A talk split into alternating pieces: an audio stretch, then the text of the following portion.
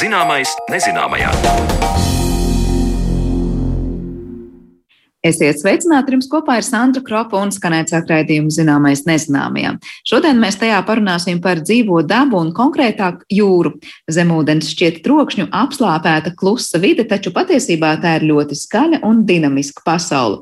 Kādi trokšņi saklausām jūras dzelmē un kā jūras dzīvniekus ietekmē cilvēka radītie trokšņi, par to jau pavisam drīz. Taču pirms tam iepazīsim zivju sociālo dzīvi. Raidījumā esam runājuši par putnu dziesmām un savstarpējo saziņu, bet šoreiz no debesīm nolaidīsimies līdz dziļūdeņiem, lai saprastu, kā signālus raida zivis. Un līdz ko esam iegrimuši ūdenī, ir skaidrs, ka par tik raibu zivju komunikācijas pasauli mēs diezin vai līdz šim bijām nojautuši. Zivs gan raida skaņas un spēj tās sadzirdēt, gan izdala hormonus, raida elektriskos signālus, prot spīdēt un šo spīdēšanu uztvert. Un tas vēl nav viss. Plašāk par to, kā zivis sarunājas un veido sabiedrību, dzirdēsiet Marijas Baltkalnas sagatavotajā stāstā. Lai gan daudzas zivis mīt dziļos ūdeņos, un lai gan mēs tās ikdienā neredzam, zivis un zivju pasaule ir kaut kas patiešām unikāls, un pētniekiem tuvāko gadu laikā tās vēl noteikti sagādās daudz jaunatklājumu. Tā mūsu sarunas laikā nereizi vien atgādina pārtikas drošības, dzīvnieku veselības un vides zinātniskā institūta Bior zivju resursu pētniecības departamenta jūras nodeļas vadītājs Ivars Putnis. Tieši jautājumi par to, kā zivis savā starpā sazinās, kā tās spēj pastāvēt mainīgajā ūdens pasaulē un izdzīvot gan piesārņotā, gan trokšņainā vidē, ir aktuālie jautājumi un šoreiz kaut nedaudz izgaismosim zivju socializāciju, proti saziņu un savstarpējo sadzīvi. Ivaram Putnim vispirms jautāju, vai zivis varētu uzskatīt par bara dzīvniekiem vai vientuļniekiem šos barus veido vairāk socializējas maza izmēra zivis, kas barojās ar planktoniskiem organismiem. Un tad ir atkal pretstatā sugas, kas neveido barus. Tās ir, nu, es teiktu, plēsīgās zivis, tās pašas arī haizivis, teiksim, lielie plēsēji, nu, tās uzturās atsevišķi pa vienai. Bet vēl viena tāda kopīga iezīme teiksim, visām zivīm ir tāda, ka barus ļoti bieži vien zivis veido tieši tajās agrīnajās attīstības stadijās, kad viņas ir mazi kāpuriņi, mazi mazulīši, un tad šie bari arī sniedz viņām zināmu šo aizsardzības funkciju. Ja. Līdz ar to es teiktu, ka nu, līdzīgi kā citur dzīvnieku pasaulē, nu, zivis var būt ļoti sociālas, un zivis var būt tās arī tādas nu, arī vientuļnieces. Protams, tas viss ir atkarīgs no sugas, par ko mēs runājam. Kas ir ļoti interesanti, šajos baros nav atsevišķs kaut kāds vadonis, kā tas ir putniem, varbūt tās, kas vada kāsi, kas koordinē visu šo kustību. Zivīm tā nav. Zivīm būtībā tur ir divas lietas, ko viņas ievēro. Viņas ievēro to, ka viņām ir jāuzturās noteikti attālumā vienai no otras, un otrs, ka viņām ir jākustās sinhroni vienai ar otru. Un e, šie bari ir fantastiski pielāgošanās funkcija tajā momentā, kad plēsējs uzbrūk zivīm barā. Tās zivis tā kā pašķīst, tā izšķirās un to plēsēju dezorientē tajā momentā. Tas ir viens.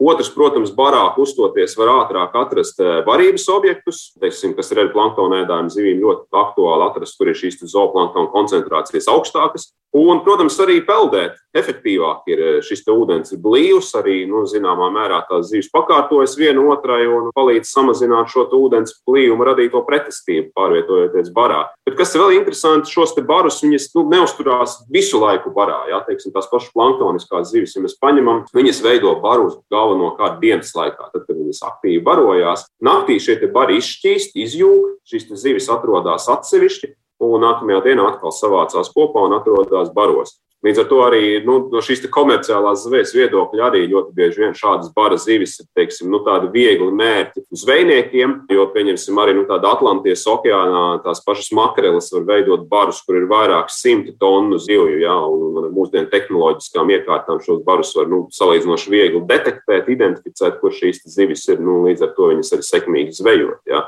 ir interesanti arī mūsdienās pētījumi veikti un pat vizuāli dokumentēt pierādījumi tam, ka šī bara funkcija palīdz zivīm aizsargāties pret viena veida plēsēju. Jā, ja teiksim, nu, tās haizivis vai tikai tuņči vai kaut kādas noteiktas sugu zivis. Tajā momentā, kad parādās dažādi plēsēji, ja tur ir haizivis, ja tur ir delfīni, ja tur ir tuņči, ja tur ir roģi, ja vēl no gaisa ir putni, tad tās zivis barā viņas diezgan ātri dezorientējās, un tie bari var izšķīst, un tajā momentā var arī šīs zivis tikt apēstas. Jā. Kā norādījis Ivars Putnis, tad zivju baros neviens nav barvedis, un vienlaikus visi ir barveži bet arī te var veidoties atšķirības sugu ietvaros. Piemēram, ir zivju sugas, kurām novērojami dominējošie tā saucamie alfa tēviņi, kuri nārsta periodā veido nārsta ligzdas, uzvedas agresīvi un cenšas atbaidīt citas zivis. Latvijā šādas sugas ir trīsadatu stagars, arī apaļais jūras grundulis. Bet kas interesanti, arī šādu sugu iekšienē ir tādi pundurtēviņi, kas it kā ārēji atgādina mātītes, un kas izmanto šo stratēģiju, lai veiksmīgi teiksim, nu, turpinātu savu genofondu. Plašveidīgām zivīm, arī vairākām citām zivju grupām tas ir novērots. Ir šie tā saucamie pundurtēviņi, kas diezgan sekmīgi iesaistās nārsta procesā, un šie lielie alfa tēviņi viņus nu, neuzskata konkurentiem, viņi uzskata tos par citām mātītēm. Es eh, līdz ar to arī gribētu mazliet pakavēties pie tiem eh, signāliem, ko zivis raida cita citai, lai kaut kādus vēstījumus nodotu. Piemēram, nu, cilvēku pasaulē mēs varam ļoti daudzas lietas pateikt gan ar vārdiem, mēs varam mīmikā kaut ko parādīt, mēs varam ar roku kustību kaut ko parādīt. Kā tad zivīm ir, vai arī ir izšķiramas kaut kādas signālu grupas, ko tās raida, lai pateiktu, nu, piemēram, nāc man tuvāk, vai ejam kaut kur kopā, vai arī tieši otrādi nenāc man tuvāk tūmā. Kā zivis to dara? Plātot muti, vicinot spuras.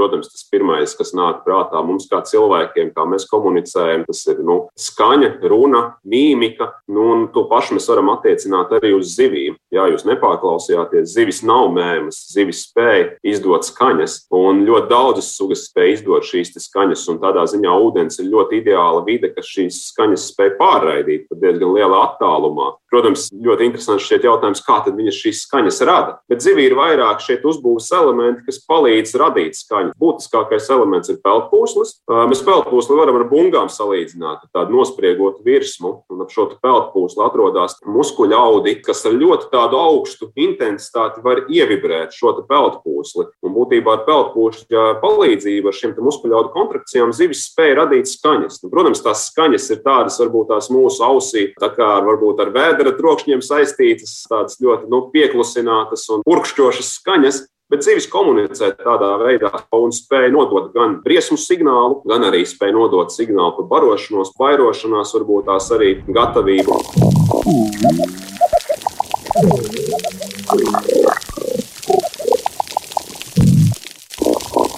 Otrs, protams, ir eh, arī nu, šis vizuālais ūdenī, īpaši tropiskajos reģionos, kur ir laba caurredzamība. Tur mēs redzam šīs krāšņās koraļu zivis, kur ir ļoti augsta krāsu daudzveidība.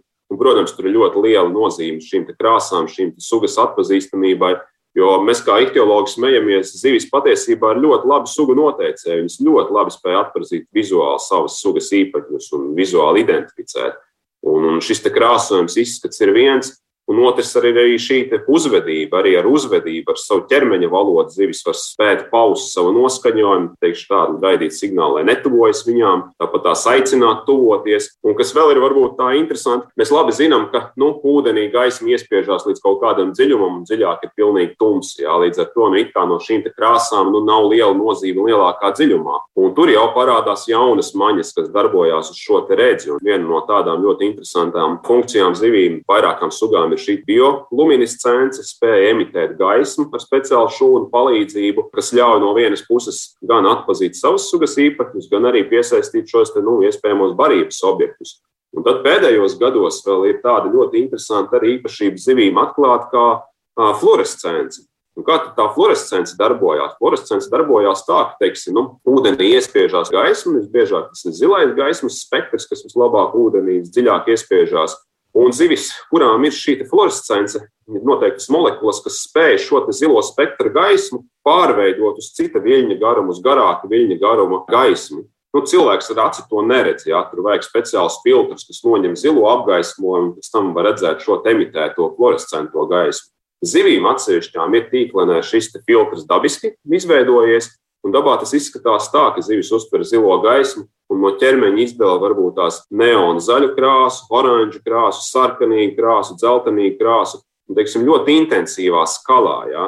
Un tad, kad pētnieki pirmo reizi to pamanīja, viņi kā kuriozi to uzskatīja. Viņiem likās, ka kolēģis kāds mēģina izjokot viņus un Photoshopā ir labi pastrādājis un šo video pārveidojis. Bet beigās izrādījās, ka šī ir fantastiska spēja, kas palīdz zivīm atpazīt savas sugas īpatņus un orientēties lielākā attālumā arī. Un tas tiešām nu, tāds nu, mazā sensācija ihtioloģijā, es teiktu, pēdējos gados šī fluorescences spēja zivīm. Pagājušajā gadā izrādījās, ka pat arktiskajos ūdeņos pirmā suga tika atklāta, kurai šī fluorescences spēja ir.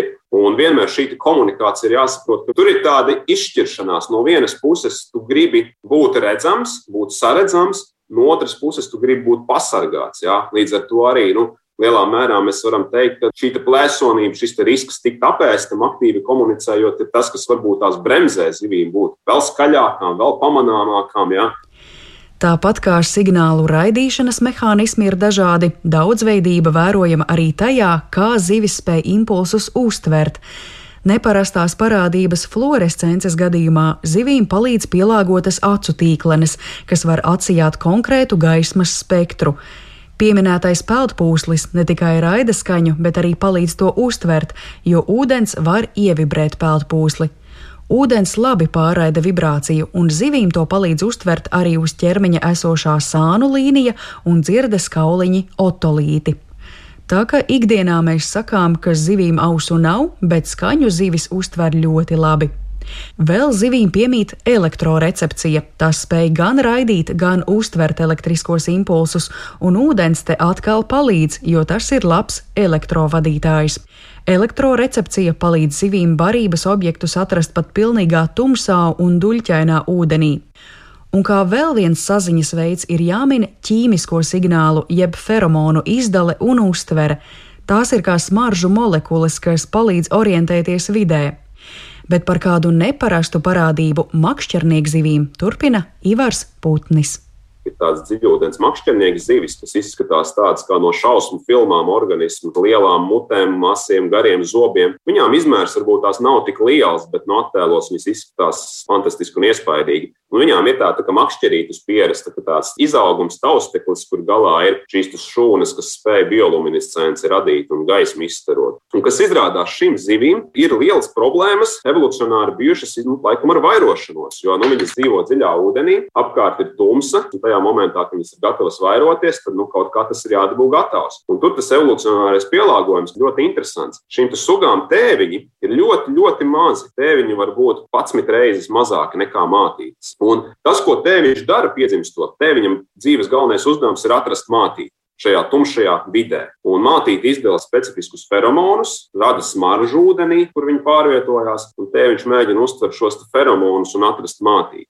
Un interesantākais tiešām kā no pasaku fantāzijas filmām sākas tad, kad tēviņš šo te mātīti atrod. Viņš nav izvēlīgs. Viņš pirmo mātīti arī izvēlās, ko viņš atrod. Un e, viņš viņai iekožās ādā iekšā ar saviem zobiņiem. Vai uz vēdera, vai uz sāniem. Viņš iekožās ādā un viss, un organisms pamazām sāp kopā ar to mātītes organismu. Tik tālu, ka pat visa vielmaiņa, visa cirkulācijas sistēma viņiem abiem ir kopīga. Būtībā šo parādību bioloģijā sauc par seksuālo parazītismu, un tas darbojās tādos apstākļos, kur tiešām ir kritiski svarīgi atrast partneri un noturēt šo partneri. Un eh, tā tēviņa funkcija ir būt klāt mātītei, tad, kad viņa sasniegs dzimumu gatavību, tad, kad viņai nobriest tikri, tad, kad viņa sāk nārstu, tēviņš viņai vienmēr būs blakus.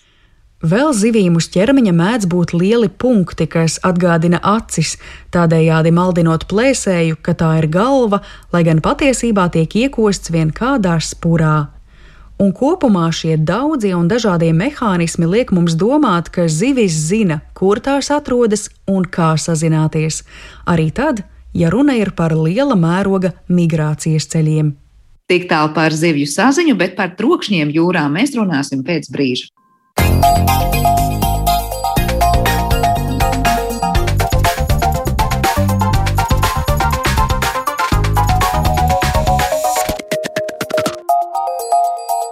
Zināmais nezināmajā.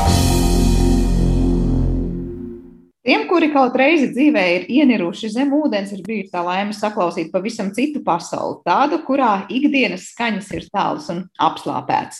Taču zemūdens klusumā ir sadzirdamas citas skaņas, sākot no izelvas burbuļiem līdz pat motorlaivu dzinēju trokšņiem. Par to, kādi trokšņi valda zem ūdens, kas tos rada un kā tie ietekmē zemūdens dzīvojošos, par to šodien mēs arī runāsim ar mūsu šīs dienas studijas viesiem. Pie mums ciemos Latvijas Hidroekoloģijas institūta pētniecības pētnieks Māris Skudra un šī paša institūta zinātniskais asistents Reinis Kostanta. Labdien! Labdien! Sveiki! sveiki. Vispirms, laikam, vaicāšu par to, cik trokšņaina vai klusa ir tā zemūdens pasaule, par ko jau es pieminējos. Es nezinu, kā mūsu klausītāji, cits varbūt pats ir savā ausīm paklausījies, kā izklausās zemūdens pasaule, bet droši vien, ka man kalbosiet un teiksiet, nu, kā nu kurā vietā un kā nu kurā jūrā un okeānā. Māri, varbūt es sākšu ar tevi. Kā tu raksturotu to zemūdens skaļumu un klusumu pasauli? Jā, nu, droši vien pirmā lieta, ko, ko es varētu pateikt, ir, mēs cilvēki esam pieraduši dzīvot, kā lai saka, uz sauszemes, un tā vide, ar ko mēs visbiežāk saskaramies, ir gaiss. Un, savukārt, ja mēs runājam par ūdeni un tieši par trokšņiem un skaņu, tad ir jāsaprot, ka ūdenī Eh, šī skaņa, jeb trokšņi izplatās eh, saka, daudz lielākos ātrumos. Ja, ja, ja skaņa ūdenī izplatās apmēram 1500 metrus sekundē, tad gaisā tas ir apmēram 4 līdz 5 reizes mazāks. Līdz ar to tāda vienkāršota atbilde būtu, kad, eh, kad principā dēļ tā, ka ūdens vidē šīs skaņas izplatās daudz ātrāk, tad šo vidu arī vidi mēs varētu tomēr laikam uztvert E, kā, kā tādu rosīgāku un skaļāku, nu, ja, ja tīri skatāmies uz šādu salīdzinājumu. E, bet par to, cik daudz un kas tajā ir dzirdams un cik intensīvi dzirdams, varbūt Reinis grib papildināt, kā tu raksturot to zemūdens kluso vai skaļo pasauli. Jā, lai noteiktu pieļaujamo trokšņu līmeni jūras vidē, tas ir ļoti sarežģīts uzdevums, un cilvēks pats šajā vidē neuzturas patstāvīgi, bet ar tās iemītniekiem, dzīvniekiem komunikācija ir ļoti ierobežota un varētu pat teikt, ka, ka ļoti dabiskā vidē pat neiespējama. Un neskatoties uz šiem apgrūtinājumiem, ir veikti vairāki pētījumi par jūras zīdītāju un zivju reakciju, saskaroties ar antropogēniem trokšņiem, un ir ierakstītas audiogrammas un noteikts jūras zīdītāju un zivju eh, dzirdes jūtīgums pie dažādām frekvencēm. Un jāņem arī vērā fakts, ka zemūdens eh, vide pati par sevi nav klusa, pat ja cilvēks nav iesaistīts. Un dabīgās eh, jūras vidē es pat iedalītu divās grupās skaņas. Vienas ir bioloģiskās dzīvnieku pašu radītās skaņas, kas arī var radīt diezgan augstu trokšņu līmeni, un arī fizikālās, kā vējš, zibens, ledus Un tad, protams, mēs gan jau vēl parunāsim par šīm tehniskajām skaņām, kuras savukārt klāt nāks dažādi kuģu radītie trokšņi, dažādi varbūt industriālie trokšņi, kas rodas no kaut kādiem darbiem, kas tiek veikti, un droši vien arī par militāriem trokšņiem mēs varam parunāt. Es sākšu varbūt ar tiem pirmajiem piesauktiem, tiem dabiskajiem trokšņiem. Māri, droši vien tev arī ir ko teikt par to, cik dažādi ir tie trokšņi, ko rada paši zemūdens dzīvnieki. Nu, Reinis nosauc gan uh, gan zīdītājs, gan zīvis, gan daudz ko citu. Nu, kuri tu teiktu, ir tie skaļākie vai pazīstamākie? Jo man liekas, nu, kurš gan nav dzirdējis par delfīnu specifiskajiem saucieniem vai vaļiem, bet eh, kā ir no tādas bioloģijas jūras skatoties puses? E, nu, jā, nu, tas varbūt no savas puses, ko, ko es varu pieminēt, ir, ka eh, līdzīgi kā sauszemē mums ir daudz, daudz dzīvnieku sugas un katra komunicē viena ar otru pēc, pēc eh, lietojot savu valodu un, un uzvedības pazīmes, tad līdzīgi jau arī ir ar, ar, ar tiem zemūdens organismiem. es noteikti neesmu tāds mm, speciālists, kas varētu dot tādu detalizētāku ieskatu par to, kā nu kura suga izpaužās, bet skaidrs, ka tas, ehm, tas mm, biežākais, ko mēs droši vien runājot par trokšņiem un skaņām zem ūdens, eh, iedomājamies uzreiz ir kā reiz šie, šie lielie zīdītāji, vaļi, delfīni, kur izdod šīs tādas uh, klikšķošas skaņas. Tas būtu tāds labākais salīdzinājums, ko es varu atrast. Uh, tāpat laikā ir jāsaprot, ka mm, arī tās dzīvnieku sugas ir atšķirīgas. Un, un, un, un, un ja viena dzīvnieku suga, piemēram, dzird trokšņus vienā frekvencē tas nebūtu nenozīmē, ka citas sugas vispār ir spējīgas uztvert šādas trokšņus vai skaņas. Un te arī parādās tās atšķirības starp dažādām sugām. Piemēram, ja mēs runājam par roņiem, tad es negribu samānīties, bet man liekas, ka pelēkajam un, un pogainajam ronim, kas ir sugas, kas arī pie mums tomēr ir sastopams kaut kādos laika nogriežņos, viņiem kā reiz atšķirās šie, šis dzirdamības, tā teikt, slieksnis, ja, tas, tās frekvences, pie kurām viņi gan komunicē paši, gan viņi spēj sadzirdēt. Bet, bet ja runājam par tādiem viskaļākajiem, tad noteikti tie ir lielie zīdītāji vaļi un pats skaļākais no visiem jūras iemītniekiem ir kašalots. Tur var, var, var vēl interesantus piemērus par viņu stāstīt. Ja ja ir laiks un vēlēšana. Es tieši gribēju vaicāt par šiem piemēriem. Varbūt ir kādi nezinu, salīdzinājumi, kuros mēs varam iedomāties, nu, kādas ir šīs skaņas un cik spēcīgas tās ir. Nu, varbūt par uh, kašalotiem, ja mēs runājam, tās skaņas, ko viņi izdala, ir.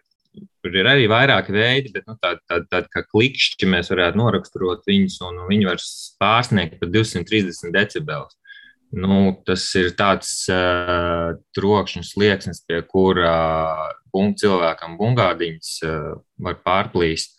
Un, teiksim, problēma, kur ir ar tādu kašalotu izpēti, kur es pats esmu lasījis, kā biologi mēģina ar to cīnīties, ka mm, viņi, viņus ir grūti izpētīt, un, un viena no labākajām metodēm ir nirt tur, kur viņi atrodas, un, un, un mēģināt tā uzzināt kaut ko vairāk par viņiem, viņu uzvedību, komunikāciju. Tāpat laikā šiem nirējiem jābūt ļoti uzmanīgiem, jo šīs, šīs tās emitētās skaņas no šiem kašalotiem, viņi, viņas rada šo, šo vibrāciju, un, un ir, ir, ir gadījumi, kad eh, nirējs, teiksim, ir izstiepis kaut kā roku, un, un dēļ šīs eh, skaņas viļņa viņam tā roka tiek paralizēta uz kādām trim, četrām stundām. Tas ir tas, ko es esmu pats eh, lasījis un, un, un redzējis, ka jūras biologi paši stāsta, kas ar to paši ir nodarbojušies. Tā kā tā, tā tieši kašalota izpēta un lielo zīdītā izpēta, patiesībā sakot, ja tieši nirst kopā ar viņiem ir, ir tomēr arī e, diezgan bīstama, bīstams pasākums. Un, un, un, jā, ja tur ir mazāka pieredze, tad, tad slikti, slikti var beigties e, tāda pelde kopā ar lieliem zīdītājiem. Jā, un kas tev būtu domājis, ka patiesībā primāri to radīto skaņu un trokšņu dēļ, nevis eh, kādu citādu draudu dēļ. Vai ir vēl kādi citi piemēri, ja mēs par tiem dabiskiem trokšņiem runājam, varbūt Reinis grib ko piebilst, vai mēs varam virzīties pie tiem tehniskajiem Reini vai no tavas puses vēl kāds interesants. Jā, Mārķis varbūt arī pats gribēja vēl paturpināt domu. Es varbūt man vēl viens piemērs ienāca prātā. Ir, ir, ir, tāds dzīvnieks kā tīģeris, pistoles, garnēlis kas, eh, nu, garnēli, kā mēs saprotam, ne tuvu nav tādos izmēros kā zīdītāji. Un eh, šis arī tiek uzskatīts par vienu no skaļākajiem ūdens iemītniekiem, un, un, un, bet, bet viņš to skaņu rada caur vienu spīli, un caur kuru viņš ļoti lielā ātrumā spēja izšaut ūdens strūklu, un pa vidu vēl tur rodas tāds kā gaisa burbulis, un tad viņam sprākstot, eh, rodas, eh, rodas šis milzīgais troksnis, un arī tur pāri pa 200 decibeliem. Un, protams, šis, šī garnēla izmanto primāri šo, šo ieroci, lai medītu. Un, bet, bet interesanti arī, ka šī procesa ietvaros viņa gaismu emitē. Un, un dažkārt dažos avotos viņi pat salīdzina ar tādu kā mazu masu atomu elektrosprādzienu, ka viņi spēja radīt. Nu, tas tāds varbūt tāds arī vēl tāds interesants piemērs. Mazs organisms, kas par sevi māca zemūdens vidē pastāvēt, tā varētu teikt. Reini, vai būs kas piebilstams pie šiem dabisko trokšņu radītājiem vēl? Nu, es varētu piebilst, jā, ka, ka šos dabiskos trokšņus zīdītāji un zivju sugas izmanto šo skaņu kā komunikācijas un reizē arī navigācijas instrumentu. Un šī skaņa dažādu sugu pārstāvjiem palīdz sazināties gan savā starpā, It īpaši nārsta un pārošanas laikā, gan medījot vai aizsargājoties no plēsējiem, un es varētu ņemt tādas paralēlas tā kā ar putniem, ka, ka nu, ja, ja šīs e, skaņas tiek traucētas, e, tad, piemēram, antropogēnā faktora rezultātā kuģis, e, tad tas varētu salīdzināt ar vidēji izmēra helikopteru, kas nolaižās līdzdojošo putnu tūmā. Tad nevar savā starpā zivis un zīdītāji sazināties. dzirdēt vienas otru. Un at, atliek līdzīgi, kā mums ir pētījumi, ka mēs, ja ir troksnis bļaujam skaļ, skaļāk, tad arī šie interesanti, ka arī zivis mēģina sazināties skaļāk, nu, dažas klusē. Protams, tas atstāja negatīvu iespaidu uh, uz viņu, viņu reproduktīvām funkcijām un uh, nobarotību, kā arī nav iespējams sazināties un informēt vienu otru par apkārt esošajiem plēsējiem. Un, jā, un tas ir interesanti reņģei, kad, kad viņai nav salīdzinoši skaļas, viņas no, no 50 līdz 90 decibelu skaņu līmeni rada. Un viņas ir īpaši jūtīgas nevis taisni pret, pret šo skaņas spiedienu decibelos, bet, bet pret frekvencēm ko izraisa, kas, kas ir cits stāsts. Jo, ja mēs tā paskatāmies, kad, kad troksnis ir bīstams, un tad viens ir tas, jā, ko mēs sakam, tas skaņas skaļums, tas ir cik viņš ir decibelos, bet vēl ir jāskatās tāds aspekts kā frekvence, jo mēs zinām arī, protams, esam dzirdējuši, ka cilvēkiem rasties panika no skaņām, ko mēs pat paši nedzirdam, bet, bet to sajūtam caur ķermeni. Tātad arī tajā, tajā skaņa intervālā, ko, mēs, ko dzīvnieki nedzird, šī frekvence var viņus ietekmēt. Protams, jāņem vērā arī periodisms, cik bieži šī skaņa skan, cik ilgi, un arī attālums no, no šīs skaņas avota. Kas parasti ir tas, kas rada šāda veida skaņas vai nu, tos traucējumus tālāk? Tie ir kuģi vai tas ir kaut kas cits? Nu, parasti tiek iedalīti šīs skaņas divās kategorijās - impulsīvajās un izlaicīgajos trokšņos. Un šīs kategorijas gan var vienu otru pārklāt, un var pāriet uz otru, un impulsīvie trokšņi, piemēram, tie jau būtu pāļu dzīšana, vēja turbīnas, bagarēšana, urpšana, nu arī militārās aktivitātes, spridzināšanas. Un kuģa radītie trokšņi, tie, jā, tie būtu pieskaitāmi pie ilglaicīgajiem trokšņiem. Bet viņi būs tie arī, kā tu tikko minēji, kas varbūt nevis būs tik kaitīgi, tā var teikt, ar savu skaļumu, cik ar to savu frekvenci, vai te mēs runājam par to skaļumu tomēr? Tas atkal jāskatās, ir, kā kurai zivju sugai ir šīs, šī jūtība, kurās frekvencēs, piemēram, roņi. Roņi ir ļoti maz jūtīgi pret frekvencēm. Pētījumi pat pēdējā, kas ir, saka, ka pelēkais ronis sajūt tās frekvences diapazonu, kur, kur tikko kuģim beidzās. Nu, faktiski viņš pat kuģi, kuģi nejūt. Pēdējie, pēdējie pētījumi ir par to, ka pogainie roņi tiem ir atkal varētu ietekmēt nedaudz saziņu savā starpā, bet, bet, bet ne tik ļoti apdraud kā, kā piemēram, reņģes, kuras ir jūtīgākas taisni tieši uz šīm frekvencēm. Bet, ja mēs runājam par tiem eh, tehniskajiem trokšņiem, vēl tātad radītajiem, eh, es saprotu, Reinis tikko iezīmē šo te kategoriju, tad tādi pastāvīgie vai ilglaicīgie, un tad tādi impulsīvie, kas tiešām būs tie konkrētie darbi konkrētajā vietā un laikā. Ja mēs runājam par tādiem īslaicīgiem, kas ir īslaicīgs un impulsīvs, jo es pieņemu, ja notiek kaut kādas bagarēšanas un, es nezinu, vēja parku būvēšanas, nu, tas neaizņem minūti vai divas. Jautājums, cik ilgi vienalga ir šie īslaicīgie trokšņi zem ūdens? Nu, varbūt no savas puses es varu teikt, ka e, es nezinu, un neesmu drošs, un arī neesmu lasījis nevienā avotā, ka būtu novilkta tāda strikta robeža starp, tīm, starp šīm divām uh, lietām. Bet nu, tas vairāk ir uh, jāsaprot tādā kontekstā, kad, nu, teiksim, ja mums, kā pieņem, piemēram, ņemam kaut kādu ostu, kur notiek kaut kādi darbi, vai jebkuri citi būvdarbi un kaut kāda pāļu dzīšana notiek, vairāk vai mazāk tas. tas tas tiek uz šis, šis konkrētais gadījums tiek uzskatīts par šo īslaicīgo skaņas impulsu, jo, jo gan jau, ka to māju vai ko nu tur būvē nebūvēs desmit gadus no vietas.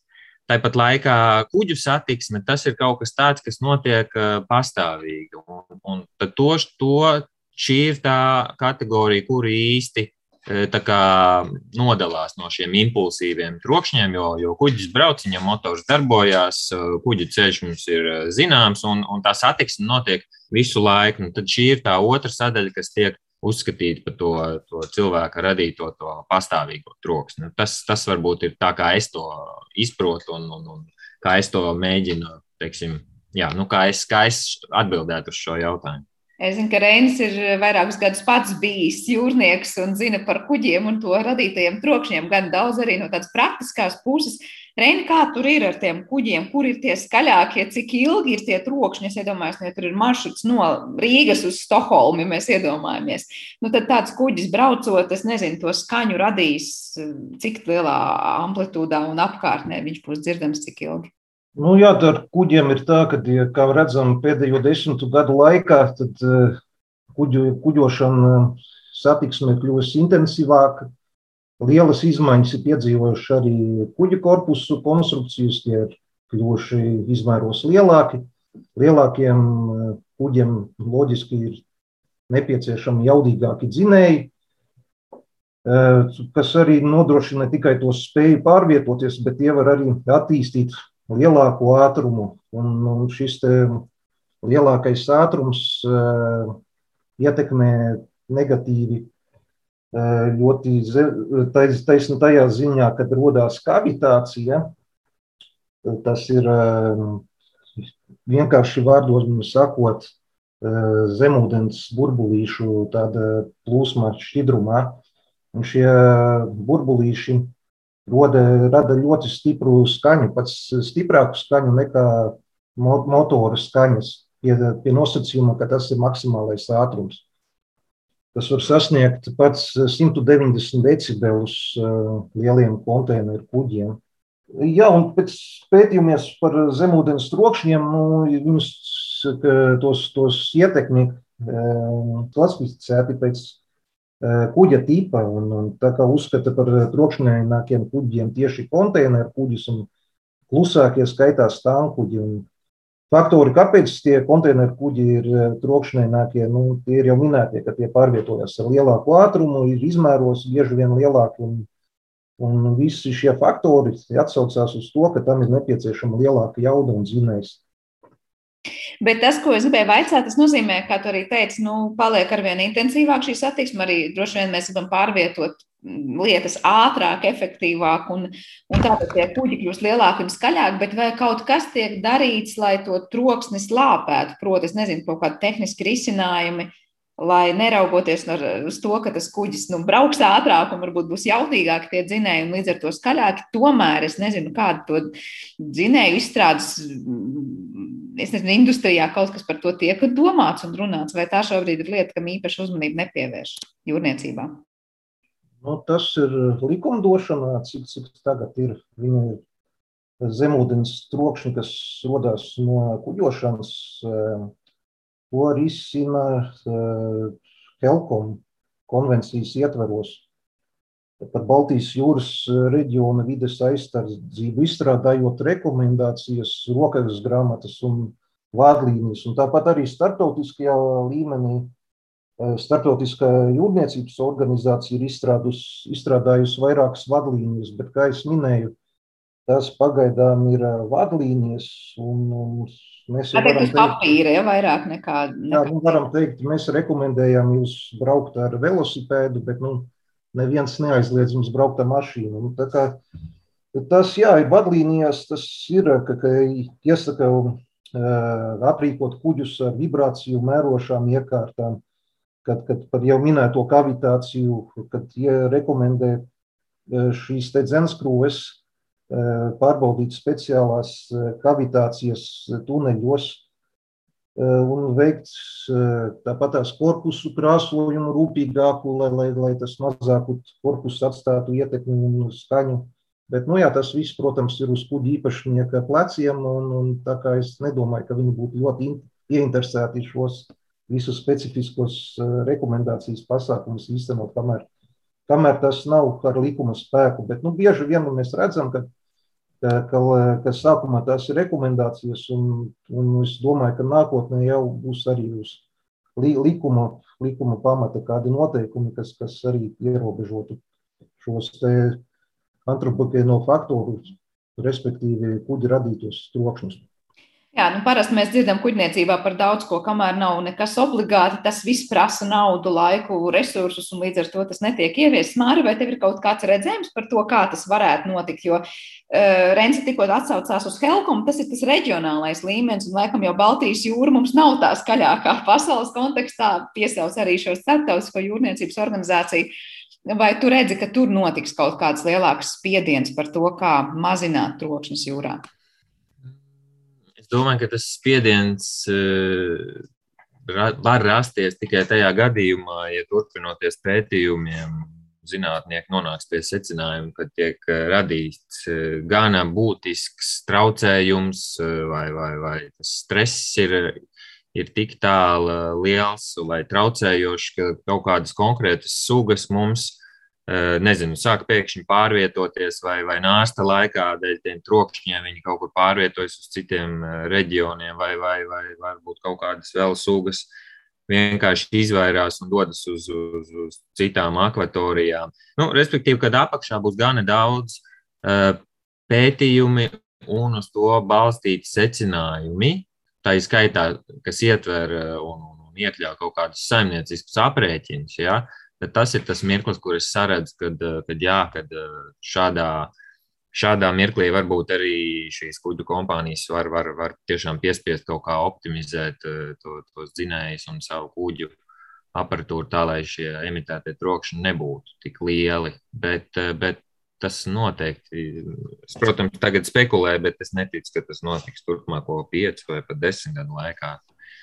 Te mēs nonākam pie tā jautājuma, ko es jau kādu labu laiku gribēju jums uzdot. Nu, mēs sakām, jā, tā vide ir pietiekoši trokšņaina, un kā Reinis salīdzināja, ja mēs teiktu, nu, kā putni dārzā, un ja tur ik pa laikam nolaiž tāds vidē izmēra helikopters, tad mēs varam iedomāties, cik ļoti nu, ļoti jūtami un traucējoši tas ir, bet cik daudz ir zināms, ko tieši šie trokšņi nodara dzīvajiem organismiem zem ūdens.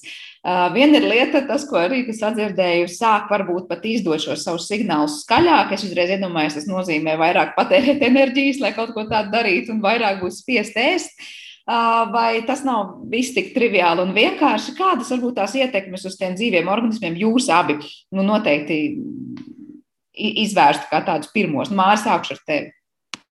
Jā, nu, es varbūt pišķiņu pakāpjoties atpakaļ. Mēs runājam tomēr par, par ūdens vidi, un mums ir jāatcerās, ka jā, sanāk, ka mums viņi ir trokšņaināki, mēs labāk tur sadzirdam visus trokšņus, trokšņi labāk izplatās, bet mums arī jāsaprot, ka tā ūdens vide mums globāli skatoties ir daudz lielāka nekā sauszemes. Līdz ar to tā, tā vienkāršot runājot, ir arī, kur tam troksnim izplatīties.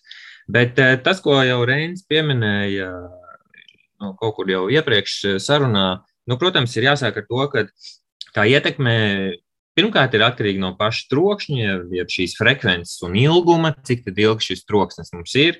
E, tad, protams, svarīga lieta ir, cik kaut kāds konkrēts organisms vai sūga atrodas tuvu šim trokšņa avotam. Ja? Jo, jo loģiski, jo viņš atrodas tālāk no trokšņa avota, jo šī ietekme būs mazāka.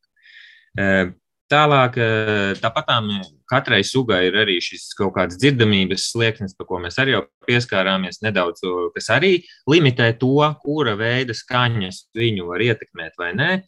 Nu, varbūt no tādām, nu, tīri tādām praktiskām lietām, nu, ir, protams, izpētīts, ka tādas eh, tie, kas eh, kaut kā sakāpinātāk reaģē un, un, un atsauc uz šiem trokšņu trokšņa avotiem, tad tur var būt eh, zināmas uzvedības izmaiņas vai, vai esošās uzvedības eh, pārtraukumi. Jā. Tāpat tam var rasties kaut kādas eh, komunikācijas problēmas starp, starp sugām vai, vai e, mainās tas, kā teiksim, kāda suga viņa ir teiksim, pieradusi savā ikdienā uztvert kaut kādu noteiktu medījumu, sava medījuma izdalītu, piemēram, skaņu vai vienalga ko, un, un, un, un pēkšņi kaut kāds cilvēka antropogēna radītais troksnis sāk šo skaņu slāpēt vai kas. Nu, tā ir tas, ka ir šie tā teikt, tādi traucējumi. Nu, protams, tādos um, drastiskākos apstākļos, kad tiešām ka notiek kaut kādi tādi impulsīvi trokšņi vai kaut kādi būvniecības darbi, pāļi tiek dzīti vai militāras mācības uh, ūdenī, kur, kur ir tiek rīkot arī kaut kāds sprādzieni. Nu, tur jau mēs varam runāt par tiešām jau tādiem fizioloģiskiem stresa efektiem, un, un tur var būt gan izmaiņas dzirdes jutībā, gan, gan tiešām fizikāli bojājumi audos. Jā, ir, es, es nemaldos, kaut kur es esmu lasījis, ka mm, šajos sprādziena epicentros vai tūtiem, nu, šādos gadījumos tam zivīm noteiktām sugām var, teiksim, peldpūslas pārsprāgt vienkārši līdz ar to, kā lai saka, tur, tur arī viņu dzīve noslēdzās. Nu, un, un, un, jā, un tādos varbūt bišķi lielākos apmēros, jā, ja mums pēkšņi parādās kaut kāds liels trokšņa avots, kurš ir gan, gan ilgs un, un, un gan trokšņains, tad, tad jā, nu var arī nonākt tik tālu, ka, kad, teiksim, kaut kādas sugas sāk jau mainīt savus migrācijas ceļus, piemēram. Nu, tie ir tā no manas puses galvenie, varbūt tie tā ietek, galvenās ietekmes, kā, kā es to skatos. Tā kā sākot no tiešām migrācijas un reproduktīvās, varbūt funkcijas traucējumiem līdz pat reālai bojājai turpatām tajā brīdī, kad tas peldpūslis pārsprāgst. Reini, vai gribēs vēl kādus citus piemērus pieminēt? Nu, jā, kā Mārcis teica, viens jau ir tas skaņas intensitāte, nu, ko mēra decibelos. Ļoti skaļš troksnis dzīvniekam var būt letāls. Tas ir apmēram 240 decibeli, tie ir tie pāļu dzīšana. Un, jā, atkarībā no, no šīs skaņas līmeņa arī ietekme ir dažāda. Tas, kas, piemēram, 75 decibeli un skaļāks troksnis rada dzīvnieku izmaiņas reakcijā. 90 jau decibeli traucē komunicēt savā starpā, 130 decibeli var izraisīt patstāvīgus dzirdes orgānu bojājumus, 220 decibeli un skaļāks var arī fiziskās orgānu bojājums, teiksim, pelpūslu bojājums veikt. Bet, jau saprotam, ka viens tas parametrs no galvenajiem ir šīs skaņas, skaņa līmenis decibelos, bet otrs ļoti svarīgs parametrs ir šī frekvence. Un kas ir interesanti, ka zemās frekvences izplatās daudz tālāk par, par garu, jo viņam viļņa garums ir garāks un līdz ar to viņas izplatās tālāk. Un, jā, un tātad, kā jau minēju iepriekš, pat, pat lielā attālumā šī, šīs frekvences var sajust zīves, kaut gan nav, nav šie lielie decibeli. Un tas var būt pat simts jūdzes pat, pat no izraisošā avota. Un tas var izraisīt tādas izmaiņas uzvedībā, kā paniska reakcija uz skaņu zivīm un nekontrolēta kustība trokšņa virzienā vai taisni pretēji mukšana prom no tām. Tas rada psiholoģisko stresu, kas visvairāk tieši zivīm novērojams un kas atspoguļojās viņu hormonu līmenī un, un arī nobarotībā, ja ilglaicīgi to pētām Es vēl, jā, es vēl noslēdzot šo sarunu, gribēju paspēt pavaicāt par to, kā tas tiek pētīts un mērīts. Un te pieminējāt gan frekvences, gan decibelus. Kā to zemūdens skaņu mēra, un vai arī jūs konkrēti kādus konkrētus datus ievācat un tālāk kādam nododat? Reina, varbūt sākšu ar to, kā darbojas tās ierīces, ar kurām mēra skaņas gan stiprumu, gan frekvenci. Nu, šī ierīce saucās hidrofons, kas no grieķu valodas ir um, ūdens un skaņa. Un tas var teikt vienkāršot ir mikrofons, kas paredzēts lietošanai zem ūdens, lai ierakstītu vai klausītos zemūdens skaņu. Bet ko es gribētu minēt, ka, ka šie hidrofoni ir dārgi, pat virs desmit tūkstošiem var maksāt šāda iekārta, tos ir liederīgi izmantot tur, kur ir intensīva satiksme kuģu ceļos un Un pārējā jūras teritorijā izmanto citas metodes, kā modelēšana un datorprogrammas, kas, kas arī tiek, tiek plaši pielietotas. Tātad hidrofonus visur nesaliksim, bet ar modeļiem gan to skaņas ainavu mēģināsim uzburt. Ja? Māri, tu gribēji piebilst arī kaut ko par to, kā jūs ievācat datus un kādus datus vai jūs ievācat par trokšņiem zem ūdens? Nu, jā, tas, ko varbūt man liekas, ka kaut kādi paši pirmie mēģinājumi, ja nemaldos, bija 2018. gadā, varbūt pat 2017. Bet praktiski tas notiek tā, ka mēs tos hidrofonus izvietojam uz uh, kaut, tur, nu, kaut kādā teritorijā, kur nu, mums interesē, vai, vai tas ir līcis. Mums ir bijis arī, kad mēs pie Pāvilos, tas nemaz netik tālu prom no krasta, kaut ko tādu testa veidā mēram, bet, bet šīs visas aplikācijas ir uzbūvētas tādā veidā, ka mums tas hidrofons, jeb kā rēcēt šis mikrofons, mums viņš stāv uz grunts, respektīvi, mums nekas nestāv ūdens virsmā, viņš mums stāv uz grunts un tad ielas tos trokšņus, kas tur, kas nu tur ir bijuši saklausāmi. Nu, vienīgi varbūt svarīga lieta ir tāda, ka arī tie hidrofoni ir dažādi. Katrs spēj ielasīt noteiktas, noteiktu frekvenču diapazonu. Un, un līdz ar to ir kaut kādi arī Helkom šie, šie mm, rakstura lielumi, kurus iesaka un, un kuras frekvences būtu jāmēra. Nu, tad, principā, cik šī joma arī mums Latvijā ir, ir ļoti, ļoti jauna, un, un līdz šim, manuprāt, mēs esam tikuši diemžēl, tomēr līdz tam tikai, ka mēs spējam, spējam nomērīt, iegūt šos datus. Bet tālāk jau mums vēl nav tādas kompetences, ne kapacitātes, ne, ne, ne vajadzīgo zināšanu, lai, lai varbūt paši no šiem datiem mēģinātu būvēt augšā kaut kādu zinātni un, un pētījumus. Tad, ja tā mēs salīdzinām, tad, tad noteikti mūsu kaimiņu valstis un, un, un citas Baltijas reģionu valstis ir mums diezgan tālu priekšā, kas jau pēta jau šo trokšņu ne tikai fizikālos lielumus, bet, bet, bet jau liek to kopā ar šo ietekmi uz, uz, uz organismiem un, un tā tālāk. Tātad no citām Baltijas jūras valstīm mēs tādus datus varētu sagaidīt un, un cerams, ka tie pētījumi tur notiek. Reini, vēl būs kas piebilstams? Jā, nu, kā Māris teica, hidrofons ir eh, jauns eh, ne tikai, ne tikai mums Latvijā, bet izmantošana zinātnē, lai gan jau militāri to izmantoja jau Pirmā pasaules kara laikā, atklājot zemūdens, e, militārie kuģi to ir izmantojuši, bet taisni zinātnē ir tikai 80. gadi, taisni, kad ļoti plaši sāka jau izmantot. Tad ļoti mazs laika posms un maz, maz dati, lai, lai ainu, zemūdens ainus un stāvokli raksturotu arī pasaulē, kā ne tikai Latvijā. Jā, bet skaidrs ir viens, ka salīdzinoši jauns Rīgas, bet tomēr sevi jau pierādījis. Un es tiešām ceru, ka tos datus, ko varbūt ievāc gan jūsu kolēģi citās valstīs, būs iespēja likt kopā ar tiem, ko konkrēti šajā gadījumā ievācat arī jūs, un tad par to, cik trokšņaina vai netrokšņaina ir tieši Baltijas jūra un mūsu piekraste, mēs tiešām tuvākā nākotnē arī uzzināsim daudz sīkāk un precīzāk. Paldies jums abiem par šo sarunu. Es atgādināšu, ka šajā raidījumā mēs bijām kopā ar Latvijas Hidroekoloģijas institūta pētnieku Mārs Kudru un šī paša institūta zinātnisko asistentu Rēnu Kostandu. Ar to raidījums ir izskanējis, un par to paldies teikšu producentei Paulai Gulbinskai, mūzikas redaktoram Kirtam Bišam.